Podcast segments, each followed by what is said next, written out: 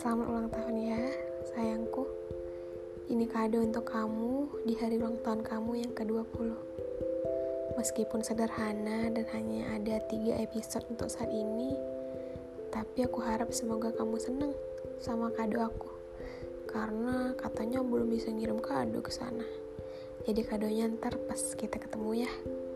Oh iya, um, nantinya podcast ini bakal aku lanjutin kalau aku nggak sibuk. Jadi kita bisa menyimpan kisah kita di sini abadi via suara